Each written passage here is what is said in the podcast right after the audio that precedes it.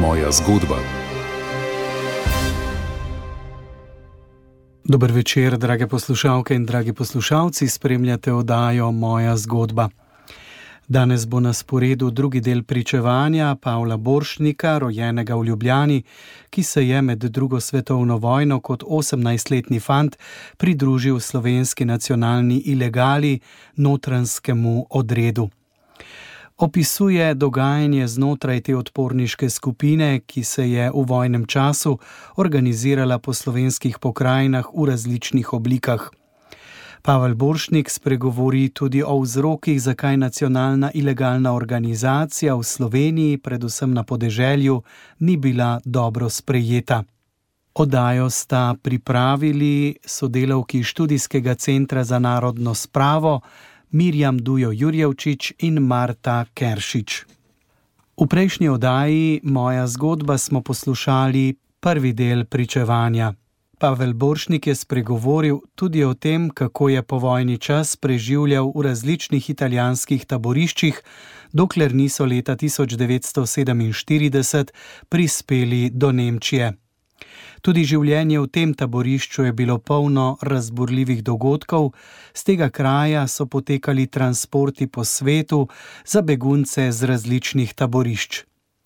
Slovencem in Srbom so do leta 1947 oziroma 1948, ko je tudi sam odšel na pot čez ocean, dali možnost, da so bili zaposleni kot uslužbenci. Prisluhnimo prvemu delu današnjega pričevanja Pavla Boršnika. Ko je bila mirovna pogodba podpisana, smo se pa preselili v Nemčijo. Tukaj smo bili vsi skupaj, v Eboli, so bile družine, slovenske, mi smo imeli šest deklet. Dole v dolini je bilo pa eh, družinsko taborišče in tam so bile srpske ženske, pa so zahtevali Srbi, da tudi te da tudi slovenke dol pridejo. In so rekli, da no way. In potem smo temu uprli, ampak smo dali njihov šotor na sredo, na eni strani je bil general, na drugi strani pa kaplan. Zelo varno. Ko smo odhajali, ko so se začeli transporti v Nemčijo, je bil zbor. Mislim, da je bilo to verjetno petek, pa soboto je bil zbor. Ponedeljek sem začel odhajati vlaki, da se je bilo 22 tisoč Jugoslovanov. Toliko kot v mestu, Italijanov. In je prišel angliški komandant in je rekel, kot veste, se taborišče seli v severno Nemčijo. Pravi, jaz imam med drugim nalog, da vas razorožim. Zahtevam, prosim in zahtevam, da prinesete vse orožje, da bom lahko svojim predpostavljenim sporočil, da ste razoroženi. Srbi so se vrali za veliko noč s težkimi basači minometi, orožje je bilo, kot si hotel. So prinesli potem nekaj revolverjev, pa starih pušk, tako da je on podpisal, da je razorožil celo zadevo in potem so se začeli transporti. Vedeli so na, na Brigvazu pa Angleži, da ne bo več vse skupaj, družinsko pa vojaško življenje taborišče ne bo več skupaj. Ne. In takrat smo se dva slovenska para na hitro roko poročila. En sem bil jaz, en je bil pa en potočnik, da je, umr, je že umrl. O pol šestih zvečer je rekel, fajn veš, jutro zjutraj v pol sedmih. Tako da sem jaz šel lahko z družinskim transportom, ne, ker so pravilno predvidevala, če greva ledik gor, mene bojo kje poslali, no bojo kje poslali, pa bo videl, a se bo še kdaj skupaj poslali, ne. To je bilo moje poročno potovanje iz, iz Napolija v, v Bremen, gor v Nemčijo, ne. Ko smo pa gor prišli v severno Nemčijo, torej iz, iz, izolacija je bila popolna. Ko je transport odšel, je kot da so šli na luno, nobene zveze več, ne. Pač pa je naša komanda imela na vseh ključnih italijanskih postajah svoje opazovalce, ki so se bali, da nas ne bojo te zunki spet okrog prinesli pa poslali v Slovenijo. Tako so bili na vseh glavnih postajah, so bili naši opazovalci, da so zagotovili, da, da res grejo v Nemčijo, ne pa v Slovenijo. Mi smo šli v Deepholz, je vlak pač pripeljal na postajo, pa smo šli pa ritmsko po enostranskem tiru nazaj v, v, v najno letališče, tam je bilo letališče, pa barake so bila, poslopja so bila, no smo rekli, zdaj bomo pa živeli v mogoče malo bolj po človeško. Ampak ne si se dan tista poslopja. Je bilo na, še malo naprej, bilo pa eno mehno taborišče, enih deset barak, Keno so se zapeljali in tiste barake so bile polne stenic. Pa smo zahtevali, da tisto razkužijo, so prišli, so malo neke ne, ene, tiste pline na, na, na, na, na šprice noter. Tam smo nas potem pregledali, je bila to ta, ta, tako imenovana Baklinova komisija, vsakega posebej zaslišala, kaj je bil, kje je bil in potem so to čekali proti svojim podatkom, a si prav govoril, ne. In potem, potem je bilo pa eno, eno jutro, to pa zagledali, zjutraj smo se zbudili in so bili tanki, britanski tanki okrog in krog taborišča. Pa pridejo angliški vojaki v barake noter, pravijo vsi ven, moški na, tam na krug, kot pravijo v, v kasarnah, tam je zbor, zborovsko mesto, ne, vsi moški kje, ženske so pustili primer, ampak je, vsa, vsako sobo je vojak prišel pogledat, pa pod, pod postno pogledal, če se ni moče kdo skril in tako naprej. Ne. In a, a, so nas a, tam imeli odzori na, na odprtem in so določene ljudi, nekaj, deset ljudi so izločili in je bil tam en, so naredili en obroč, bodeče žice in so jih eno trdali dokler, ni, dokler je ta operacija trajala. Tle je bil en slovenski lotičevc. Je videti, da so Angleži obkolili taborišče in se mu je zdelo bolj primerno, da jo pobriše. In je šel, je všel nekako iz tistega obroča in je šel po tisti cesti proti kamorkoli že, se pripelje menil džip z enim polskim oficirjem, takrat tam so bili Poljaki tudi v Nemčiji. Ne? In ta polski oficir je očividno vedel, kaj se dogaja, in ga je zagrabil in ga je dal v avto, rekel, ti moraš biti v taborišču, in ga je vrpelo na, na, na tisto zborno mesto, in so ga angliži takoj dali, ker ti zdrat.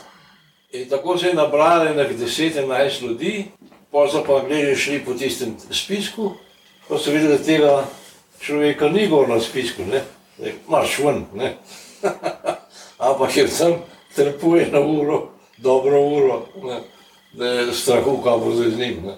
Vsi so nazaj prišli, tisti, ki se je aretirali, so vsi nazaj prišli in drug dan smo dobili pa DP karte. To je bila pa essential, da si imel DP karto, ker brez DP karte nisi mogel na kamor jeti, razen če si šel na svoje. Ne. Ampak Takrat je bila po celi Evropi bila panika, ven, ker bi Rusi vsak dan, vsak čas usekali noter, pa vse zasedlo, vso zahodno Evropo. Sam ven, ven, ven. No in potem so se začeli po transporti. Nam so dali uh, možnost za služb, za, da, da bomo za uslužbenci v tistem taborišču, tam so bile tiste zidane kasarne, ki jih mi nismo zasedli, ker noter so vozili begunce iz raznih taborišč, In tam so se formirali transporti za ladjo, ko je ladja prišla v Bremerhaven, se jih pa kepela. Ne? In tam smo mi Slovenci, pa Srbi, zaposleni kot uradniki, da smo tiste transporte uh, skupaj spravljali. 47, 48, ja. Transporti so šli, pa je interesantno, en dan je prišel in transport iz Avstrije. In uh, mi smo šli se bili, ko, ko so prišli transporti, smo šli mogoče bomo koga spoznali, kakšnega znanca, ker so bili slovenci v Avstriji tudi. Ne? In smo tam bili, Dušan Prničar, od Lize Mož, ne? pa Marjan Zovič, Marjan in Zolga Zovič sta bila v Avšvicu, sta se vrnila iz Avšvica in sta potem bežala z nami. Pa en pravi, ne vem kdo je bil, mislim, da je bila Olga Zovičeva, pa to je pa dolinar, tisti človek. So spoznali enega slovenskega gestapovca, ki je bil uh, med uh, temi, da grejo na transport za, mislim, za, za Venezuelo. In so takoj zvečer, tisti večer so napisali eno vlogo za, za angliškega komandanta. Ta človek je bil gestapovc, gestapovski agent, pa ni bilo nič, nobene reakcije. Ampak, ko je prišla ladja nazaj, na ladji so služili kot escort officers, spremljevalski uradniki, razni ljudje iz naših, iz naših vrst. So povedali, da so v severnem, da so v, Brit- v kanalu, pri, pri, Angli, pri, Angliš, pri, pri angliški obali, je prišel en čovn gor eh, iz obale dol in so nekoga odpeljali. Da ja, je to bil dolinar, ne, ne, ne vem. Ne, pa. Zakaj je bilo vse, zakaj, torej, politično je, je treba največ, največ eh, odgovornosti za to pripisati naši slovenski politiki in to klerikalni politiki. Oni niso, kot sem rekel, ko je, ko je Jugoslavija propadla, se za njo niso več zanimali. Ko so jim začeli iz Londona pošiljati sporočila, to pa to ni prav, to je treba malo drugače in tako naprej, niso verjeli. Liberalci so se vse čas pritoževali, da jim ne kažejo vseh depeš, ki jih je Krek pošiljal iz Londona. Potem so iskali možnosti povezave z, z Hrvati, je šel Monsignor um, uh, Škrbec v Zagreb, ta zadnji dan, ta zadnji teden, ni bilo nič iz tega. 3. maja se pa spomnili, da je nekje jugoslovanski kralj, pa so ga pozvali, da ne pride v, v, v Slovenijo in naj začne akcijo za osvoboditev Jugoslavije iz slovenske strani. Med prvo svetovno vojno je bila Jugoslavija osvobojena z juga, z bitke na, na torej, z, no, kaj ima čelano in tako naprej. Ne. Zdaj bo pa z severa dol. Politično je bila popolna katastrofa. Delno, torej jaz sem prepričan, da bi bila stvar drugačna, če ne bi Korošec umrl. Ker Korošec je bil edini slovenski politik, da je imel en, eno, eno, eno dojem cele zadeve. In on je umrl leta 40, tek preden se je to začelo. Drugač pa jugoslovanska il, ilega, il, nacionalna ilegala v Sloveniji ni prišla nikamor, je bilo pa dejstvo to, da prvič fantom je bilo težko dopovedati, kmečki fantje so vedeli, da če je nekdo prišel, pa mu je vzel je prešiča ali pa, ali pa uh, vola, pa to krompirja, pa to pšenice, mu je ukradel. In to so hoteli oni preprečiti. Ni, ni se mu pa zdel potrebno, da gre on v en odred, pa da je stran od domače vasi, ko se neki domači vasi nekaj dogaja. Zato niso bili naklonjeni temu, da grejo v ilegalne odrede. Po drugi strani je bil tudi politični pritisk, Zato prečetniki so srpski oficirji, to so eh, srpski, jugoslovanski oficirji, pa niso bili ravno vzor eh, moralnih ljudi in tako naprej, bo bojo pokvarili. No, in potem pa to, da se je potem pa komunistični oficirji pa potopili, da je bilo povredno. Je bilo, je bilo zelo, zelo, zelo žalostno, ni bilo nobenega pravega, nobenega pravega zaupanja. Vsak je nekako po stran gledal, kaj ta stranka dela, kaj ta skupina dela in tako naprej. Dočim so na, na, na komunistični strani je bila pa disciplina železna. Ne. Če se nisi strinjal, si tudi pa šel v glavo, pa je bila stvar, pa rešena. Na naši strani je bilo pa to, da je, da je bila taka katastrofa, je ne- ne- ne- neverjetno. Ne, ne, ne. Do zadnjega so, so bili fantje prepričani, da bo. Mi smo bili prepričani, da, da bo pravičnost prevladala. ne. Pravica ima čudne, čudne oblike.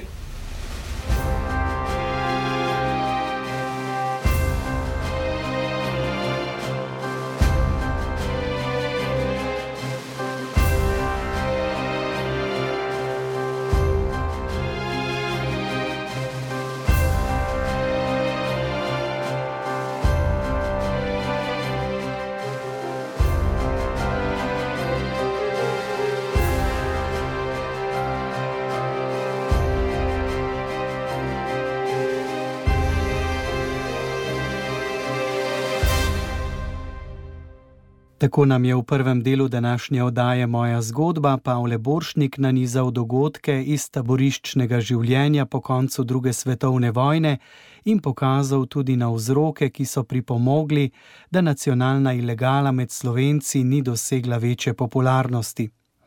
No, v drugem delu današnje oddaje pa nam bo povedal, da je on postal član nacionalne obveščevalne službe kot nekdani skaut. Zelo podrobno bo opisal aretacijo okoli 20 oseb, med njimi tudi žensk, ki so se junija 1944 zbrali v Batovi palači na vidovdanski proslavi. Zaradi izdaje nekega agenta jih je v tej stavbi aretiral gestapo in poslal v Dahov. Boršnik bo na kratko predstavil tudi majorja Glušiča in njegovo delovanje v Matjaževi vojski. Pripoved bo zaključil spomini na čas, ko je zapuščal Evropo in se leta 1948 za stalno naselil v Združenih državah Amerike. Prisluhnimo Pavlu Boršniku v drugem delu današnjega pričevanja. Uh, jaz imam še eno vprašanje za, za minutko. Uh, če se vrnemo v čas druge svetovne vojne nazaj, rekli ste, da ste bili uh, član ilegalne obveščevalne uh, službe. Na kak način ste postali član, kaj ste počeli kot član te obveščevalne službe? Aha. A, to je zanimivo vprašanje, jaz še bolj mogoče še bolj zanimiv odgovor. Večina članov te eh, nacionalne obveščevalne službe so bili nekdani skauti. Vsi, praktično vsi, za, za, praktično za vse lahko rečem, da smo bili skauti. So bile izjeme, ampak večinoma postal si član, da si nekoga poznal. Vse to je začel uh, Kranjčak, so ga ustrelili. Uh, 41, ja. Češko ime imamo, Emr. Pa kaplan, uh, anyway, to se je začelo iz, iz srednje šolske, uh, med srednje šolci in ja, večinoma smo bili skauti, nekdani skauti. Interesantno je bilo to, recimo, jaz sem, ti si napisal eno poročilo, ga nisi podpisal, no, sem si ga podpisal šifro in si ga poslal ko si ga včasih dobil odgovor nazaj. Ne. Jaz sem eh, nekako ne, nekoga, ne vem, kako se ne spomnim več, kako je to bilo, opazoval.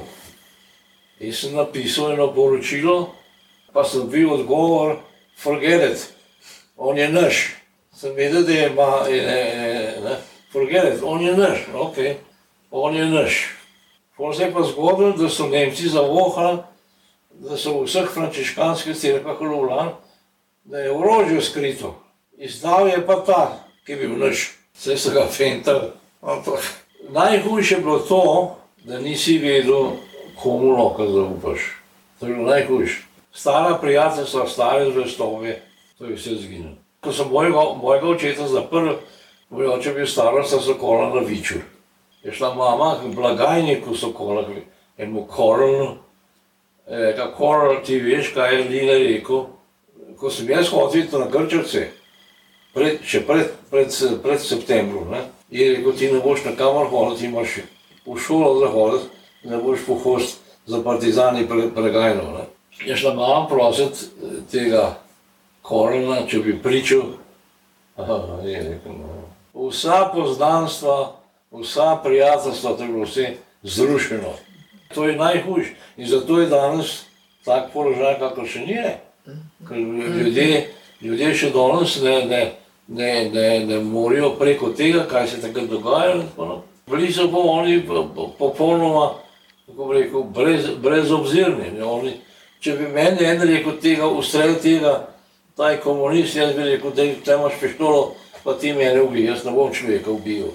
Jaz sem vso vojno bavil, najbolj tega, da bom videl človeka, ko je padel od krogle, ki sem jo sprožil. Če smo bili v host, pa so rekli, temne so, pa smo navijali tiste grmovje, nisi videl, si koga zadeval, nisi koga zadeval. Če bi pa videl, da sem, sem streljal, pa bom videl, da je zdaj pa padel, on je, on je pa padel, jaz bi ne mogel živeti sam s tabo. O, pri njih je bilo pa drugače, pri njih je bilo pa drugače, oni, oni, oni so bili pa brezobzirni, neč pomišljali. Odkot je to prišlo, jaz ne vem. Tudi zdaj, ko berem časopise Delo, če kakšen članek o cerkvi, tisti, tisti komentarji, ki so v elektronski izdaji dela, ne, so, so neverjetni. Jaz sem pisal Markežu, rekel, kaj hoče vi s tem dokazati. To so pornografski komentarji, pa žaljivi za, za vse. Rekel, jaz sam sem 12 amerikancov naučil slovensko. In ti ljudje berejo časopise, pa to berejo, pa kakšna je ta podoba. Pa mi je odgovoril, ja, prav sem že vzpostavil mehanizem, da, bo, da bojo te stvari odpadle. In sem res videl, da je bila potem tisti rubriki zmeraj ena opomba, držite se enega dostojnega jezika, pa je on zginil, tega ni bilo več. Zdaj, zdaj je to nazaj v praksi, tisti komentarji. Pa, pa še danes ne razumem, zakaj bi slovenc bral elektronsko izdajo dela, ki ga lahko kupi elektronska podaja za stoj. Ampak v glavnem se mi zdi, da ljudje še zmeraj raje časopis kupijo, kot pa da brska po, po, po, po, po računalniku. Ne. To je strahota, da je, da, je, da je tako sovraštvo dovoljeno, da se vzdržuje še, še danes, 60 let, 70 let po celi zadevi. Uh, jaz sem napisal en članek v tem našem časopisu, od tega mojega brata, ki ga nisem imel, frater Ksavjeri, frančiškanski brat. On je bil eden od treh, ki so ostali pri tistem ranjenskem bataljonu, uh, transportu, ki je bil pri, pri Lescah zadržan. Je zavestno vstal tam in so ga ubili. Pa so ga dali na njegovo ime, pa sliko so dali na na družinski grob v Kozani, v Goriških brdih, ki jih on nikoli ni videl. Ampak tam so mama pa teta pa umrle, poslala pa še njegovo sliko. In je en tisti grob. Kakšno se vraštvo je to, da človeka pustiš, torej njega sploh ni bilo, trupla ni bilo, samo zapisan je bil gor. Kakšno se vraštvo je to, ne? po, po vseh teh letih. A lahko mogoče poveste kaj o uh, aretacijah junija 1944 v Batini palači. Ja, tisto je bilo pa tako. V Batovi palači, tam je zdaj slovenski kongres. Ne? Tam so, tam so imeli, tam čisto je bilo eno stanovanje takrat, privatno. In oni so hoteli imeti eh, videodansko proslavo tam noter. In uh, uh, vic je bil v tem, da ko si prišel, si potrkal, pa si eh, povedal parolo in se vrat odprl. Tisto je nekdo izdal, ker bi bil zelo trojni agent, je delal za našo obveščevalno, je delal za komunistično obveščevalno in je delal za gestapo. Ko so prihajali tisti dan noter, je vsak povedal, tisto geslo, vrata so se odprla, za vrata je stal gestapoc, ker je se vse pa tih bod. In tako se je cel dan lovil so dobili okrog 20 ljudi. Tisto je bilo zelo težko, posebej za, za dekleta, ki so jih mučili. Punce so upisali za pete, so viseli v stropa dol. Bila je pa to popolna propagandna sekcija, ni bila obveščevalna. Je bila propagandna sekcija Mihajlovičova. Potem se jih pa zaprli v sodnijo, mi smo imeli pa dostop do eno pisarno, Na, na drugi strani Miklošičeve ceste pa se je videlo tista okna. Tam smo jim sporočili, bratko je ok, bratko je pa šef obveščevalne službe. To, kar so oni zajeli, je bila propagandna sekcija. Je bil Glušič, je bil tam, noter. So šli s zadnjim transportom v, v Dachau. Potem so bili pa na premeščenju Neuengame in tam so jih dali na ladjo da, da jih bojo umaknili pred, pred napredujočimi Rusi, se jih pa Angliji pa potopili. A lahko kaj poveste o, o Glušiču? Glušič je bil en eh, geodetski oficir, ni bil eh, aktivni, ni bil eh, vojaški, on je bil geodet. On je klepetal kot ko stara baba, on je vsakmo vse povedal. Imel je pa poznanstva z raznimi angliškimi pa tudi francoskimi osebnostmi v Dahavu in tisti ljudje so ga takrat ven potegnili, da ga niso komunisti nazaj poslali v, v, v Jugoslavijo, da ga niso seboj vzeli v Jugoslavijo, ker nek tega Petrlina so, nek, nek nekih domovanskih oficirjev so nasilo pripeljali v Ljubljano. Pol je pa zunaj in je vrtel in on je dobil potem tisti mandat za tole Matjažovo vojsko. Je tisti spelov, je imel precej uspehov, par tragičnih napak. Interesantno je to, ko so šli trije oficirji iz jugoslovanskega oficirskega tabora v Boholt, so bili jugoslovanski oficirji že leta 48 pa 49. Ne. So šli trije k njemu, to je bil kapetan Kuhar, Jože se je, pa kapetan Dombranski Lopešovalc. Še isti dan je nekdo iz Boholta sporočil Ozni, te tri ljudje so danes odšli k Glušiču. To se pravi, da bi nekdo med njimi, vse čas, ki je to opazoval. Jaz imam dokument v svojem arhivu. Pisano je pa v tisti tipični srbo-slovenščini, ki so govorili aktivni oficirji, nisi bila slovensko, je srpsko.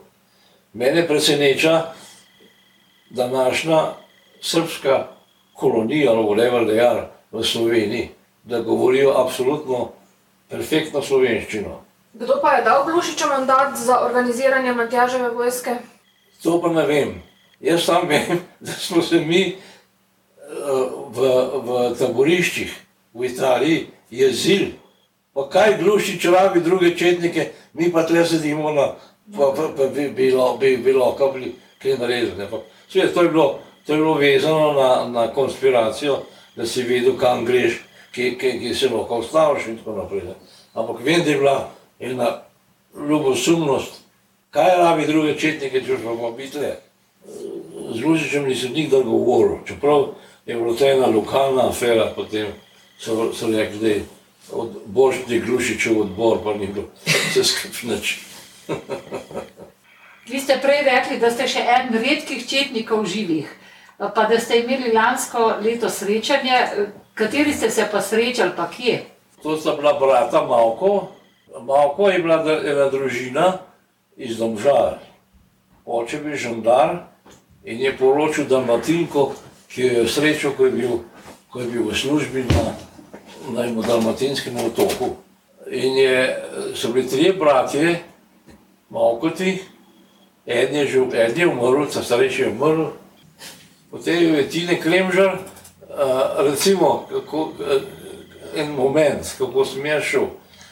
Maja meseca 44 je prišlo sporočilo na vse gimnazije, da morajo letniki 25, 24 pa 23 maturirati do 1. junija, ker bo s 4. junijem proglašena splošna mobilizacija.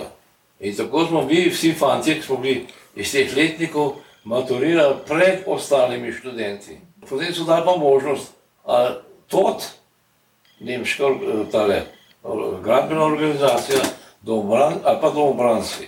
V nemško vojsko niso imeli eh, ljubljanskih fantov, iz ljubljanske pokrajine. In takrat je naša nacionalna ilegala organizirala možnost, da bojo šli naši fanti ven na Švarc, da jih bojo nekje na, na, na, na tistih checkpoints v Ljubljani spustili ven in potem bojo šli v postojno in bojo tam počakali, da se bojo razmere malo pomirile s to mobilizacijo, potem bojo pa nazaj prišli v Ljubljano. In jaz sem bil seveda na listi, da grem. Sem to povedal očetu in rekel, ne greš nikamor. Te bojo na, na, na, na bloku pogrunta, pa bo šel vdahal, nikamor. Jaz se rekel, ne bo polnati, prav pet pa k domobrancem. Nekaj sem moral videti. Prav pet pa k domobrancem, polkovnik Vizjak je moj sošolc, pa ga bom jaz kontaktiral, pa te bomo ven dobili na, na, na, iz zdravstvenih razlogov, anketazga. Polkovnik Vizjak ni naredil nič sem pristopil pri domobrancih, šel na grad za tečaj za signaliste, ker sem bil scout, sem znal Morsejev abecedo in se tako naprej mi to pomagalo. In sem šel na, na gradu in sem bil tam tist, na, na tiste tečaj. Potem smo jih poslali na Koreno, nad Horilom. Ne? In ko sem prišel na, na, na Koreno, sem takoj poslal pošto v tem fantom da sem pripravljen priti v odred. Z drugo besedo, dezertirati iz obranstva. No. In so rekli, so mi sporočili, ta pa ta dan, te pridimo iskati. Jaz smo vse spakiran, ruzak, vse, pa mi pa srce v hlače padlo. Zakaj bom jaz zdaj, signalisti nismo imeli stražarske službe, mi smo samo zvečer šli gor v turn, pa smo z, z lučmi signalizirali v desno. Ne. Pa fajn ljudje so bili tam, bila ena družina, se je hodila na malce, sem imel mlek, pa, pa, pa puder, pa tako naprej. Zakaj pa zdaj v hosto hodil? Kam pa zdaj naredil? Ja, pa sem rekel, jaz, jaz grem, sem se zjutraj zmuznil ven, do polne iz, iz postojanke, pa sem šel tam na tisti hrib, nad, nad korenom, ki je bil, ki je bil evharističen križ. In se po tisti križ usedel, pa sem gledal, kaj se dogaja pred cerkvi. In vidim, da me je na upitje najprej, ki jih je stra, stra, stra, straža ustavila, ki je, prišla, ki je prišel Tine, pa še en. So prišla noter in so rekel, da pa se govoril s fanti, sem videl, da govorijo, tako da me bojo rekel, ga ni, en je šel noter, po turnu, mi smo bili v turnu, gor na vrh. Je šel noter, je pa šel nazaj, je očividno povedal, da me ni, no, jaz sem zdaj računal, je pa Tine rekel, pa gremo, ne. Tine je pa puško dol dal, pa je na zid prislonil, pa se je na zid usedel, pa je klepetov. Kam pa zdaj naredil? da, pol si se pa, pol si se pa streznil, rekel, fant, ti si dal besedo, in moraš držati. In se pol dol prišel, pa sem rekel, jaz sem šel, kaj sem šel se posloviti. Se sem kmetom, tako naprej. Pol smo pa šli, danes, če premišljaš, ti moraš biti 17 let star, a pa 20 let star, pa mečkrat pahren, da se take zoli spušaš. In kateri so še zdaj tile gospodje, ki z vami sedijo? To je Ivo Balko, to je Peter Balko, to sem jaz, no pa Tine Kremžar. Kje ste se pa srečali? To je bilo v Edmontonu. To se pravi 2010. Ja. Mogoče samo še nekaj besed o tem, kako ste potem v Ameriko prispeli. Ste šli iz Nemčije, potem eh, pa katerega leta? Odhodi so se začeli 48. leta. Takrat še nismo nobene zveze z Ameriko. Prva možnost, da smo šli ven, je bila Anglija. To je bil tisti program European Voluntary, Voluntary Workers, EVW. In mi smo se z ženo takoj prijavila, ampak sem se prijavila kot mož pa žena. In so nam sporočili, no, no way, samo samski. Ko smo mi da odpada, na podlagi moje izkušnje, so pa potem drugi se prijavljali, fant ste, pri moških, punca pa pri, pri ženskah. Dušan Planičev recimo, ne. Ko sta pa kaj prišla, sta pa rekla, videla sva pa poročena. No ja, ok, pa pa je ta skrbke, ne. So pa pustili, ampak tle v taborišču pa ne. Pa je prišel pa, mi je pa pisal moj bratanc, moj bratanc je bil pa poročen z Amerikanko, že pred vojno. In ona šla takoj z štirimi otroci v, v Ameriko, ki so ji takoj dali vizo, ne, so bili vsi njeni držav, ameriški državljani. On je prišel pa za njo, mesnik, dve let za njo, ja, kaj tazga. Pa je pa on rekel, če češ prijeti sem, pravi, da ti bo jaz s komandirom, ne, pomagal. Mišljeno je bilo, da bo en njegov prijatelj samo podpisal afidevit, v resnici bom šel pa jaz k njemu. Pa je pa tako prišlo, da je Ivotova hčerka Doroti je, je, je, je zbolela za tuberkulozo, sin je pa padel po štenkah in je imel težko operacijo na glavu. Pravi, da se zdaj ne moremo vzeti in je klical tega žirovnika v Cleveland, pravi, ga lahko ti vzameš. Drugo besedo, da žirovnik ni bil samo podpisnik, ampak je dejansko prevzel uh, uh, skrb za mene. Ne. In tako smo sem prišli.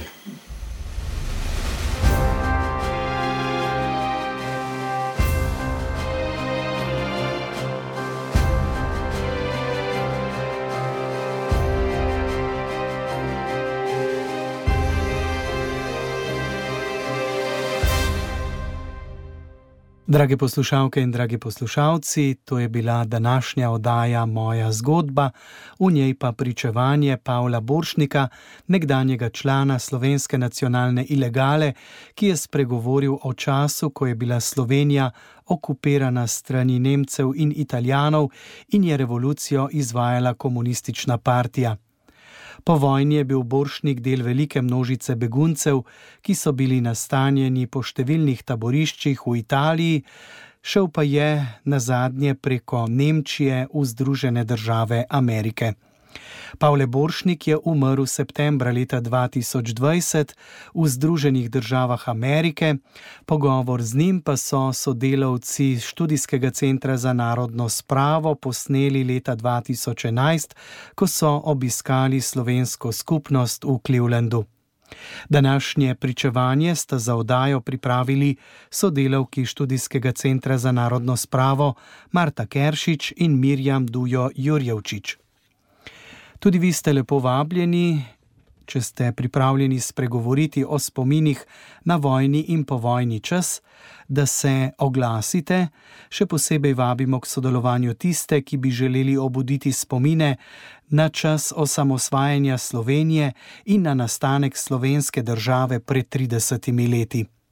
Telefonska številka študijskega centra za narodno spravo je nič ena 230 67 nič nič.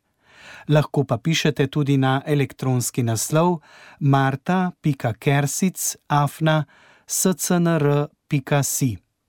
Veseli bomo vašega odziva. Odajo sem uredil Jože Bartol, tehnična izvedba pa je bila v rokah Boštjana Smoleta. Lep večer še naprej in lahko noč.